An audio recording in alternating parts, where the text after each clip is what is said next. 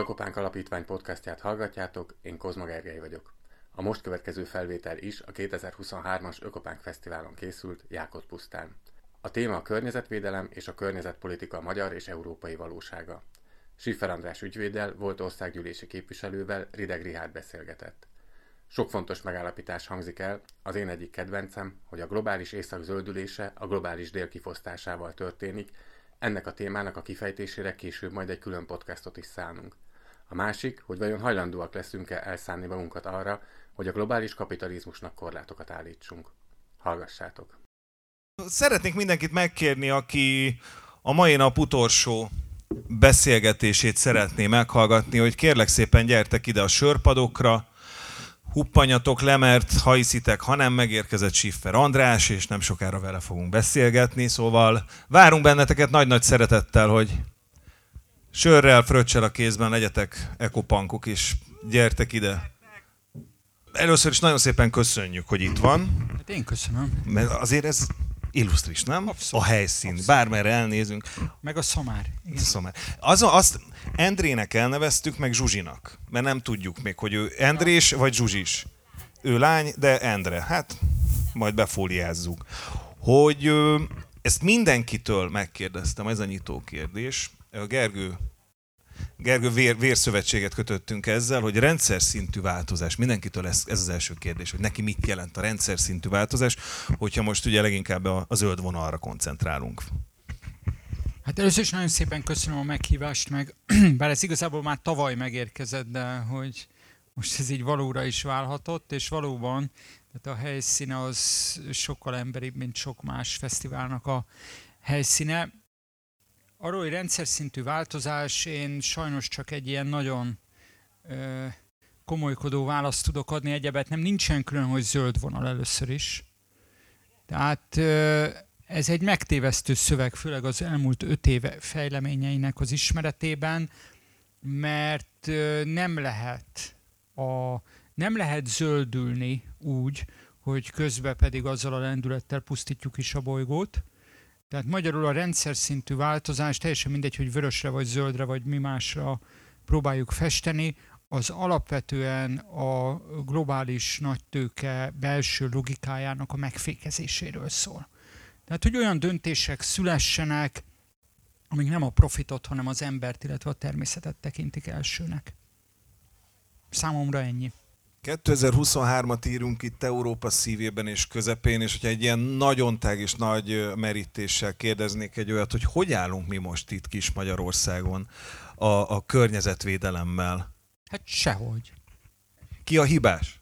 Ilyet nagyon szeretünk hibásokat most keresni. így, persze, és akkor most így vissza Lehet lehet mutogatni menni, egyébként. akár évszázadokra is, de egy dolog biztos, hogy ahhoz, hogy hatékony, először is a környezetvédelem önmagában nem garancia egy ökológiai ébredésre, egy zöld fordulatra, mert önmagában a környezetvédelem, vagy ha úgy tetszik a környezetpolitika, mint egy szakpolitikai, közpolitikai, közigazgatási ágazat, az csak a más ágazatokban megtermelt szemétnek, hulladéknak az elhordására szolgál.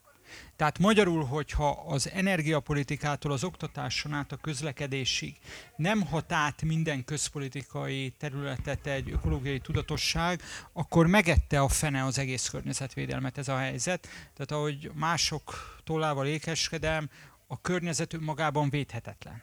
De az kétségtelen, hogy most nagyjából eljutottunk a végponthoz, és nem is azzal az olcsó poénnal élnék, bár jogos lenne, hogy a környezetvédelemnek nem csak tárcája, de már egy nyomorult államtitkársága sincsen.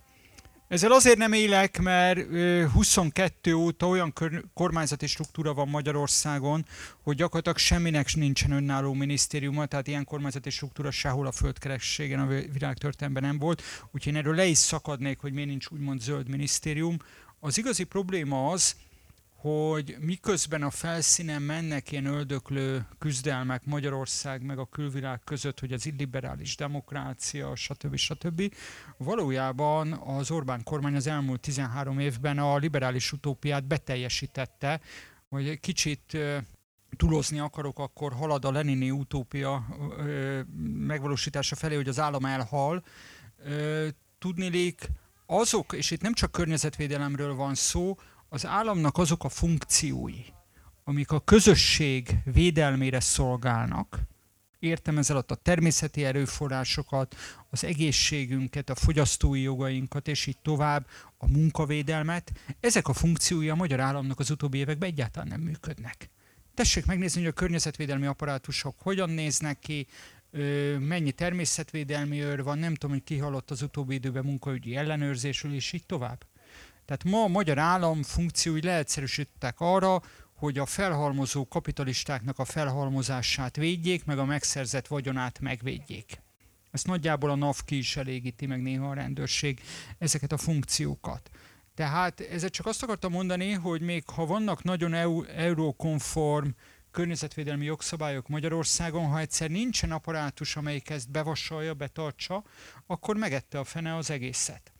Ráadásul és itt egészen 2006-ig vissza kell nyúlni, amikor az akkori kormány, tehát ez a Gyurcsány kormány volt, a fidesz egyetértésben megalkotta a kiemelt beruházási törvényt, amit 2011 óta csúcsra járatnak, aminek pontosan az az értelme, hogy a kiemelt beruházások esetén mind a közösségek, helyi közösségek beleszólását leszűkítik, közmeghallgat, közmeghallgatásokat most egy legújabb javaslat gyakorlatilag teljesen eltörölni, ez most van bent a kormányzati egyeztetésen, de arról van szó, hogy pont azoknál a beruházásoknál, amelyek a legna- potenciálisan a legkörnyezetterhelőbb beruházások, nem csak a helyi közösséget lehet, helyi közösség részvételét lehet formálissá tenni, de a közösségi ellenőrzés funkcióit is, lásd népegészségügy, építésrendészet, fogyasztóvédelem, élelmiszerbiztonság és a többi.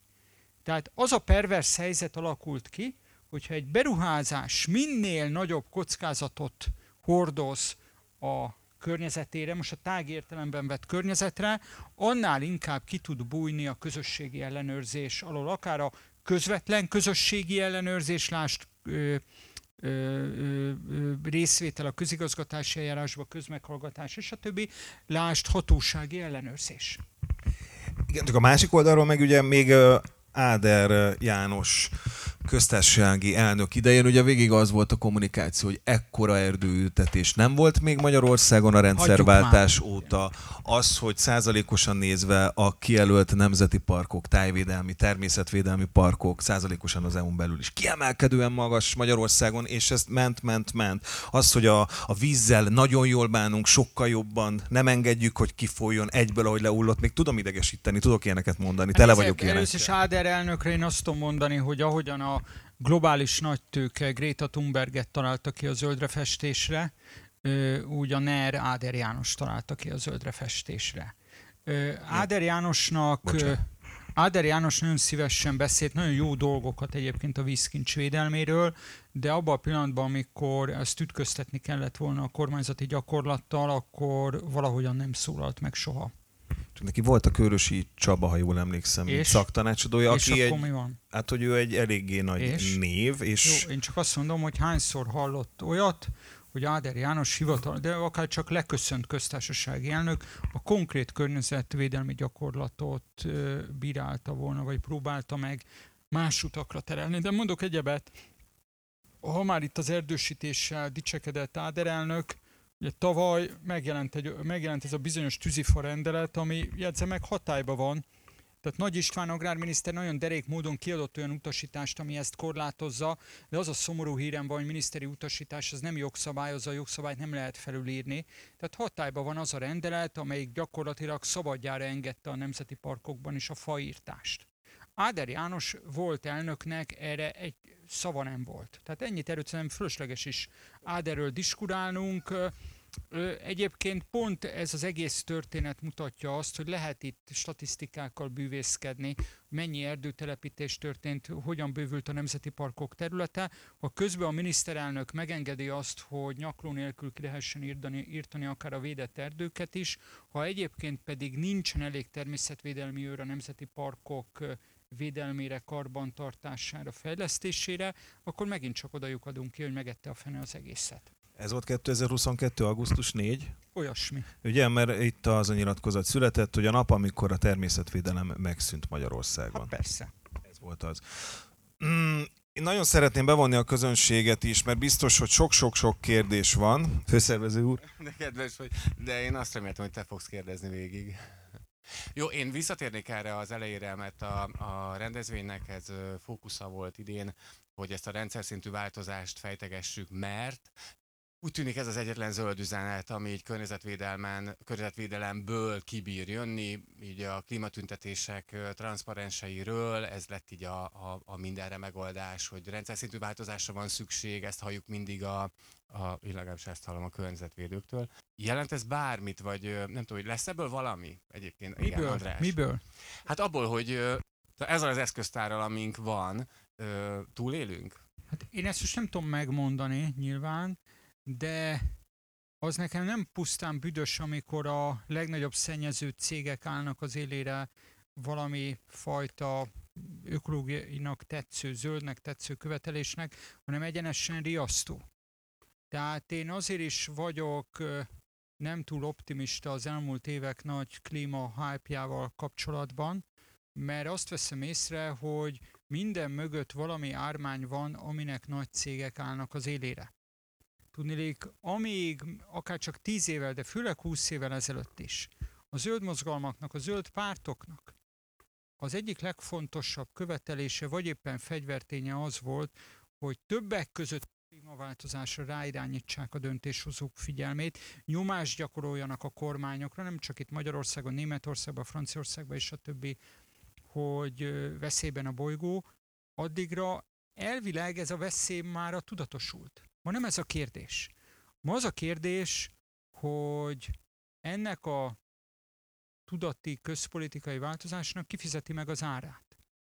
Tehát elnézést, az nem ö, zöld üzenet, hogy a klímaváltozást kiragadjuk az ökológiai válságból, és minden egyéb tételt háttérbe szorítunk. Tessék megnézni, hogy a mainstream mit művelt klímaválság címén túl azon ez a bohóckodásnak a csimborasszója, hogy 19. októberében hirtelen a legkülönfélébb fővárosi kerületekben és városokban klímavészhelyzetet hirdettek, és csak arra jó, hogy tényleg bőrleszket csináljanak egy égető problémából. Alapvetően ez a téma azt generálta, hogy fölfutott az elektromos autóipar, ugye? Mi ennek a folyamánya? Tessék megnézni az ide telepített akugyárakat, vagy ide telepítendő akugyárakat Magyarországra, a magyar vízbázisra, a magyar termőföld, jó minőségű termőföldre, de megyek tovább.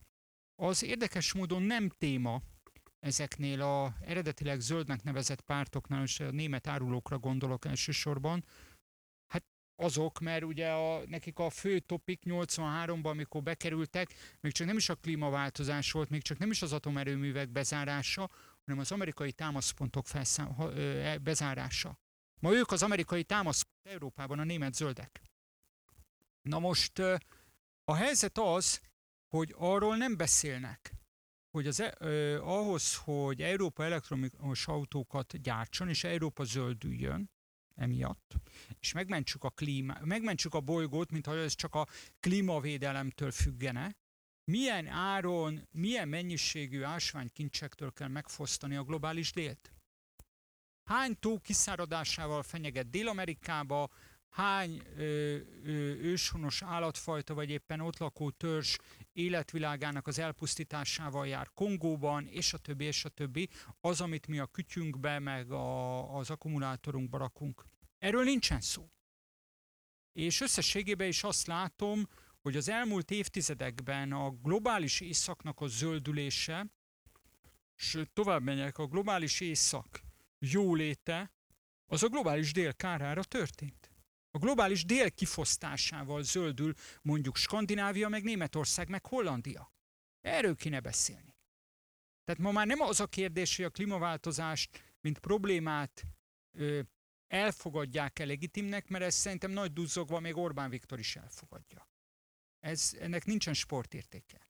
A kérdés az, hogy azt belátjuk-e, hogy nem pusztán a klímaváltozás az egyetlen fenyegető jelenség ma, és az egyik probléma úgymond megoldásával vagy kezelésével nem akarjuk mondjuk egy más szegmensét az ökológiai válságnak tovább mélyíteni. A másik, és ez a legégetőbb kérdés, hogy kifizeti meg az árát ezeknek a klímakampányoknak. Mert nagyon könnyű egyetérteni abba, hogy mentsük meg a bolygót, ki a fene áll ki, még a Shell sem mondja azt, hogy ő el akarja pusztítani. Ebben baromi könnyű egyetérteni. Baromi könnyű a Shell, meg az összes többi csirkefogó cég mellé valami zöld logót odarakni. De az ő zöldülésüknek az árát kik fizetik meg? Az eső, a, ö, esőerdőkben lakó egyéb élőlények, a globális dél országai, esetleg a félperiféria kelet-közép-európa ki? Szerintem ezek az igazi politikai kérdések ma, és én ezért válaszoltam a bevezetőben azt, hogy nincs külön zöld szemszög. Itt én egyetlen szem, tehát ha rendszer szintű változás van kitéve az asztalra, én egyetlen szemszöget látok, hogy hajlandók-e vagyunk elszánni magunkat arra, hogy magának a globális kapitalizmusnak korlátokat állítsunk ami egyszerre természeti korlát, társadalmi korlát, de jelent korlátot abban a tekintetben is, hogy, hogy a globális igazságosság jegyében nem megengedhető az, hogy a Németország zöldülése az párban jár azzal, hogy mondjuk gyerekmunkások, környezetszennyező és a minimális munkavédelmi normákat sem ismerő helyeken állítják elő a profitot a németországi gyökerű cégeknek. Kicsit visz... Hallotok? Nagyon. Hallunk, igen, de még közönségkérdések vannak, sorry. Az előbb még nem akartad, most meg hogy Jó, igen, mert közben eszembe jutott három is, hogy igen, mert az, hogy ön András a, a zöld politikával, a zöld kérdésekben megnyilatkozik, ez annyira ez így nyilvánvaló, de én azt nem tudom, hogy amúgy ez önnek honnan jött, akkor mi volt a vízió, és ahhoz képest mi van most? Ugye én, én a rendszerváltás évében érettségiztem, és hát gyakorlatilag akkor, tehát ilyen 89-92 között számomra egyszerűen ösztönösen, lehet, hogy azért, mert egyébként az apám már, a, amikor én kisgyerek voltam, éppen a 68-as diákmozgalmakból írta a doktoriát, és lehet, hogy ez így közvetlenül valahogy hatott rám, de számomra teljesen evidens volt, hogy egy baloldali politika az, az zöld, az felelős a jövő generációk életfeltételeiért, felelős a, felelős a természeti erőforrásokért. Tehát nálam, nálam a politikai ébredésbe benne volt már 89-92 között az, hogy, hogy ö, ö, az ember-ember és az ember term, vagy, igen, természet-ember általi kizsákmányolása az párban jár. Az előbb kitekintettünk Németországra, de szeretném, hogy visszajönnénk Magyarországra, és a mi helyünket is megtalálni ebben a 2023-as korszakban, hogyha ugye bolygót menteni nem tudunk, meg, meg az hülyén is hangzik, de hogyha túlélni akarunk, vagy valamit felmutatni a európai közösségben, hogy Magyarország miképpen áll egyébként bolygóvédelem, biodiverzitás, környezetvédelem, fenntarthatóság, bármi, hogy mi, mi a mi következő lépésünk, mit, mit tud erről, hol tartunk, most merre tartunk, most országszinten nyilván. Hát én ilyenekről nem, tehát én a, most a kormányzati statisztikákat képtelen vagyok felmondani, ne, ne, ne. nem is értek hozzá, meg különösebben nem is csak, hogy hogy látja. Nagyon érdekel. Én úgy látom, hogy a jelenlegi kormányzati gazdaságfilozófia, aminek a tengelyébe a munkalapú társadalom fön, megteremtésén, föntartásán kívül az ország újraiparosítása szerepel, ö, egyszerűen nincsenek a horizonton, tehát konkrétan a miniszterelnöknél nincsenek a horizonton környezeti szempontok. Tehát annyi van, amennyit az Európai Unió vagy az Európai Jog bevassal Magyarországon, azt nagy duzzogva mi is átültetjük, de ez, amit az előbb is mondtam, ennek a betartatására már igen csekély energiát fordít ma Magyarország, és egyáltalán a kormányzati vízió az ö, szempontként a természeti erőforrások megóvásával, ökológiai korlátokkal egyáltalán nem kalkulál. Hát mondom, tessék megnézni most ezt a legújabb akkumulátorgyár építési őrületet, aminek még a kormányzati filozófián belül a, az értelmét még látom is, csak éppen hát ez a konnektivitás, ugye a, nyug, a német autóipar és a kelet-ázsiai akkumulátorgyárak között mi legyünk az összekötő, kap, összekapcsoló kapocs, a konnektor, de az is teljesen nyilvánvaló, hogy még azt sem gondolták végig, hogy egy pár éve hatályba lépett uniós irányelv miatt az itt legyártott és az Európai Unióban értékesített akkumulátorokat, ha azok hulladéká válnak, nekünk kell visszavenni.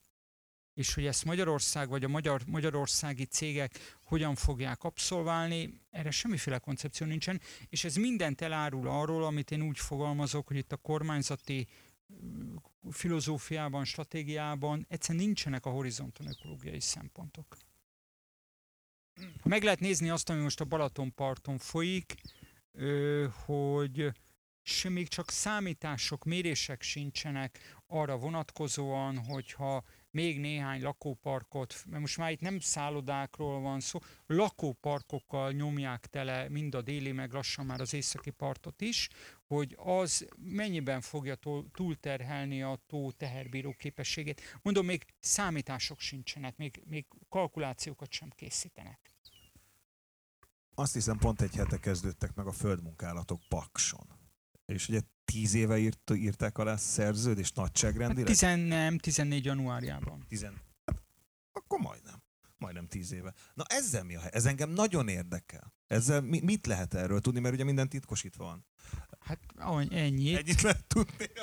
Jó, köszönöm. Ennyit, meg hogy ugye itt is sem világos az, hogy főleg itt a szankciós politika árnyékában a kiégett fűtőelemeket ki, meddig, hova szállítja el, vermeli el. Itt ugye arról van szó, hogy ezeket a kiégett fűtőelemeket nem elég pár évig tárolni, hát olyan pár tízezer évig kell biztonságos elvermelésről gondoskodni.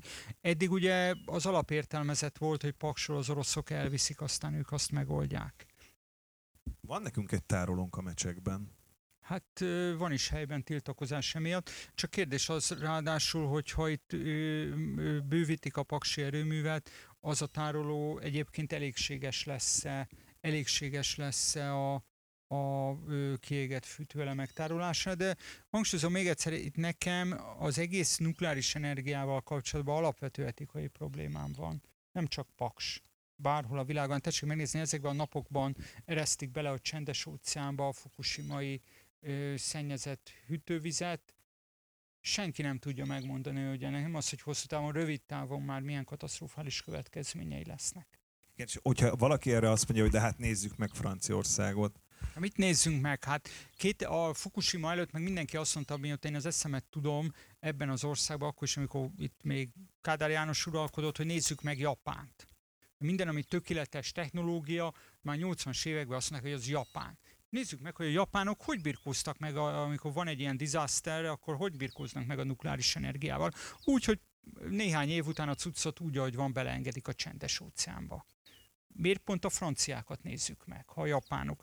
Tudom, a szovjetek azok ronda, kommunista, orosz, stb. rendben van, ugye Csernobil, na de mondom, a japánok se tudtak, hogy jött egy kisebb katasztrófa, nem tudtak megbirkózni a problémával, és én azért fogalmaztam úgy, hogy ez egy alapvető etikai kérdés, mert a nukleáris energia az emberiség történetében az első olyan technológia az ember kezében, amit, ami egyszerűen térben, időben uralhatatlan az ember számára. Tehát, lo, tehát, hogyha pusztítás van, lokalizálni sem lehet a pusztítást, és időben sem lehet korlátot szabni a pusztítás következményeinek. És azt gondolom, hogy ha az ember nem tudja, nem azt mondtam, hogy nem lehet biztonságosan, be, persze relatíve biztonságosan, persze, hogy lehet atomerőműveket működtetni, csak éppen akár egy Zaporozsiában mondjuk véletlenül, még csak nem is szándékosan, véletlenül rakéta beleesik az atomerőműbe, akkor mi van? Nem Ukrajnában, meg Oroszországban, itt Magyarországon is mi van akkor? Fut ki merre lát? Tehát, tehát ezt próbálom jelezni, hogy még a, a szén vagy, vagy gáz alapú erőműveknél is egy katasztrófa van. Persze minden emberélet, tragé, emberélet elvesztése tragédia, de mégis területben, időben a pusztítást korlátok közé lehet szorítani. A nukleáris katasztrófánál nem lehet korlátok közé szorítani.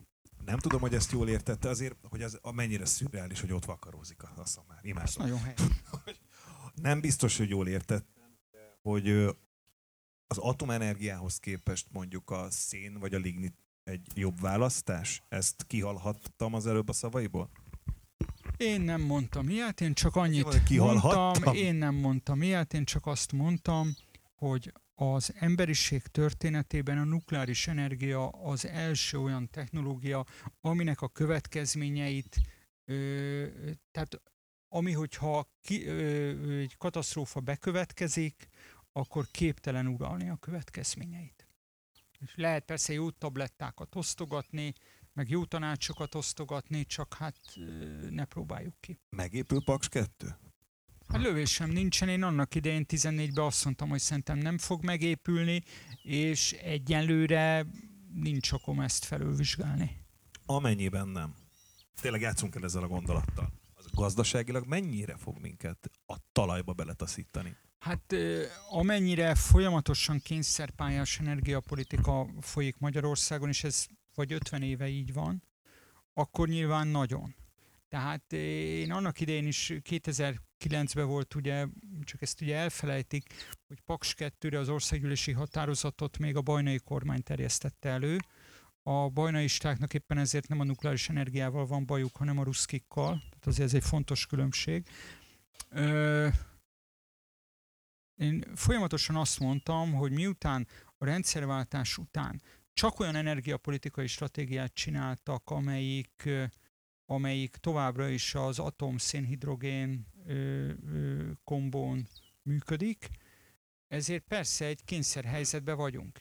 Én is azt gondolom, hogy az élet, tehát például az élettartam hosszabbítást, a paksejtnek az élettartam hosszabbítását egy kényszerhelyzetben, amikor nem tudod mivel kiváltani, nem lehet nem megszavazni mondjuk a parlamentbe. Tovább megyek. Ö, tavaly február 24-ét követően a kormánynak a manőverezését, a szankciós politikát illetően, és hogy próbálja föntartani a csővezetékeket, viszonylag nehéz bírálni. Ezért kaptam is hideget, meleget. Na de itt megint az van, hogy van egy kényszerhelyzet, hogy az atom mellett ugye a másik az az orosz vezeték, a, nem lehet egyik hónapról a másikra leválni. Tehát amiben a rendszerváltás nem csak utáni, már az 80-as éveknek a kormányzata is felelős, meg az elmúlt 13 év is felelős, hogy nem, dolgoz, nem, hogy nem dolgoztak ki alternatívákat, ami a, a szénhidrogénes, széndiokszid kibocsátással járó energiaforrásokat visszaszorítja, és megpróbál egy nukleáris energiától mentes Magyarországot mondjuk 50 év múlvára felvázolni, hanem kifejezetten az Orbán kabinet is, meg már az előzőek is kifejezetten például a megújuló energiaforrások elterjedését különböző piszlicsári anyagi, illetve bürokratikus eszközökkel akadályozták. A nap, illetve a szélenergiára gondolok. Mi hozzáteszem, hogy az előbbi gondolatomhoz kap, kapcsolódjak, és ö, reflektáljuk saját magamra is. Természetesen minden energiaforrásnak van környezeti terhe.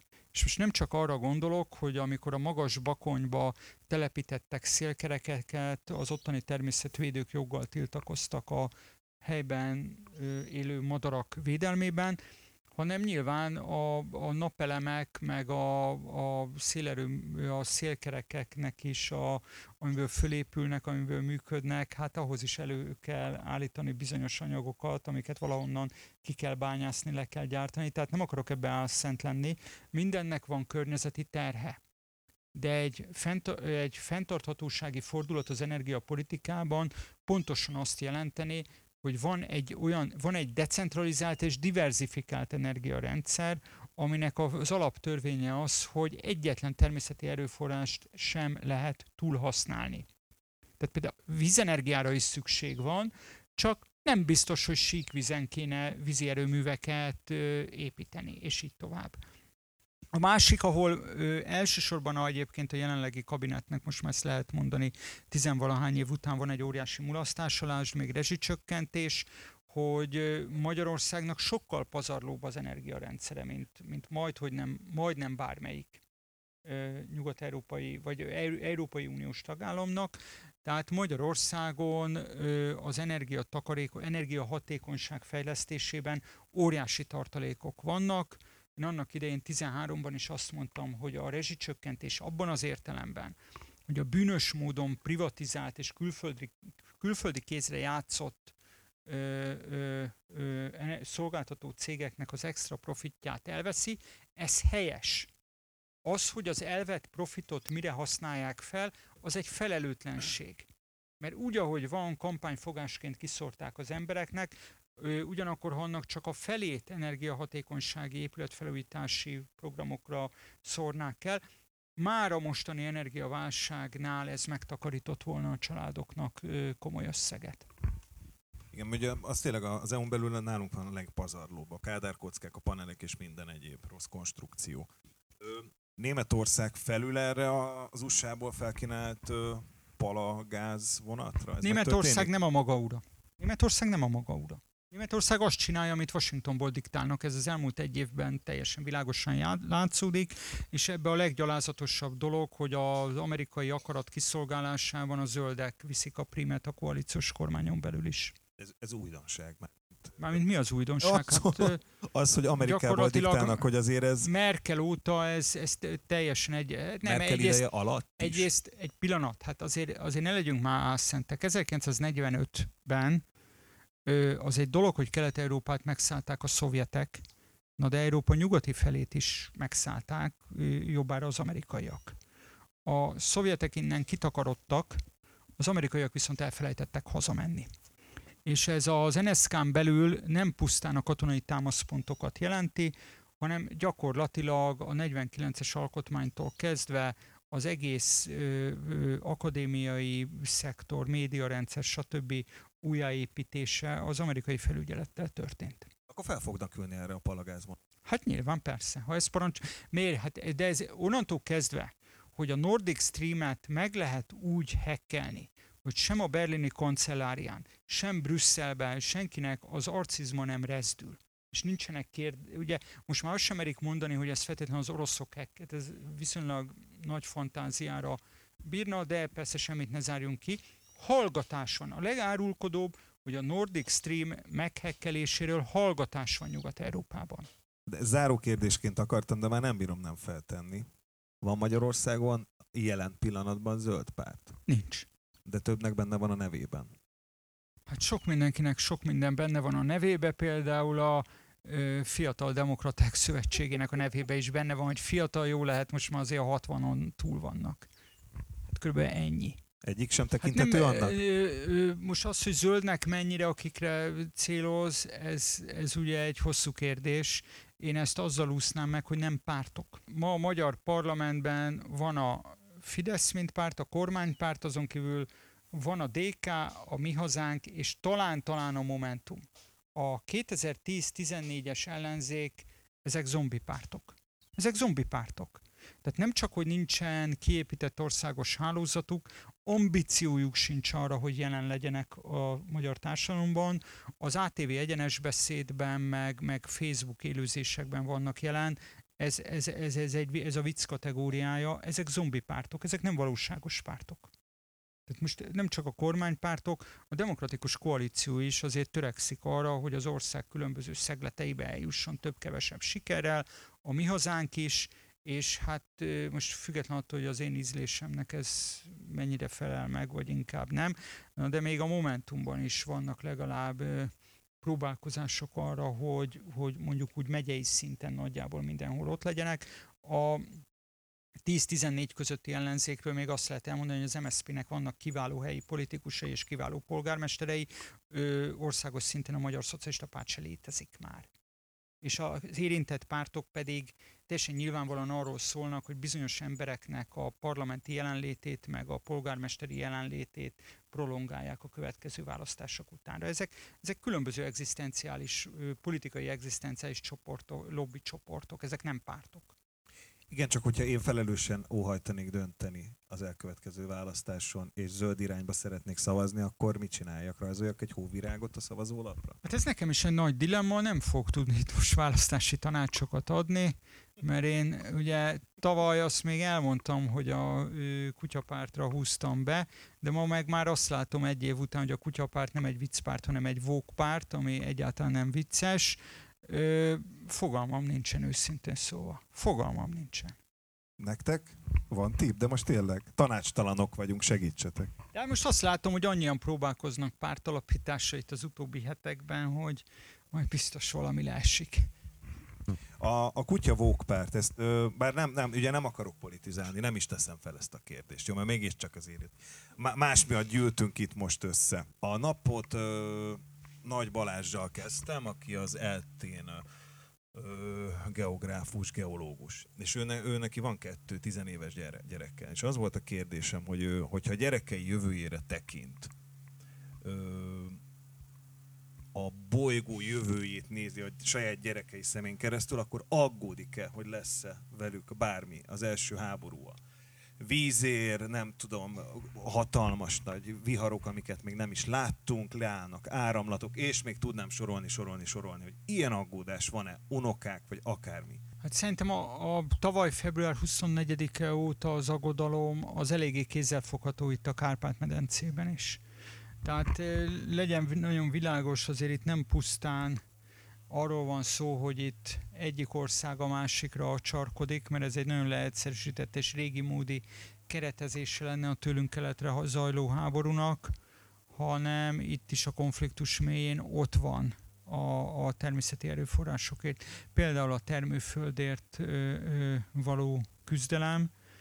Mm, tehát, hogy ez itt, itt van, itt van a szomszédban.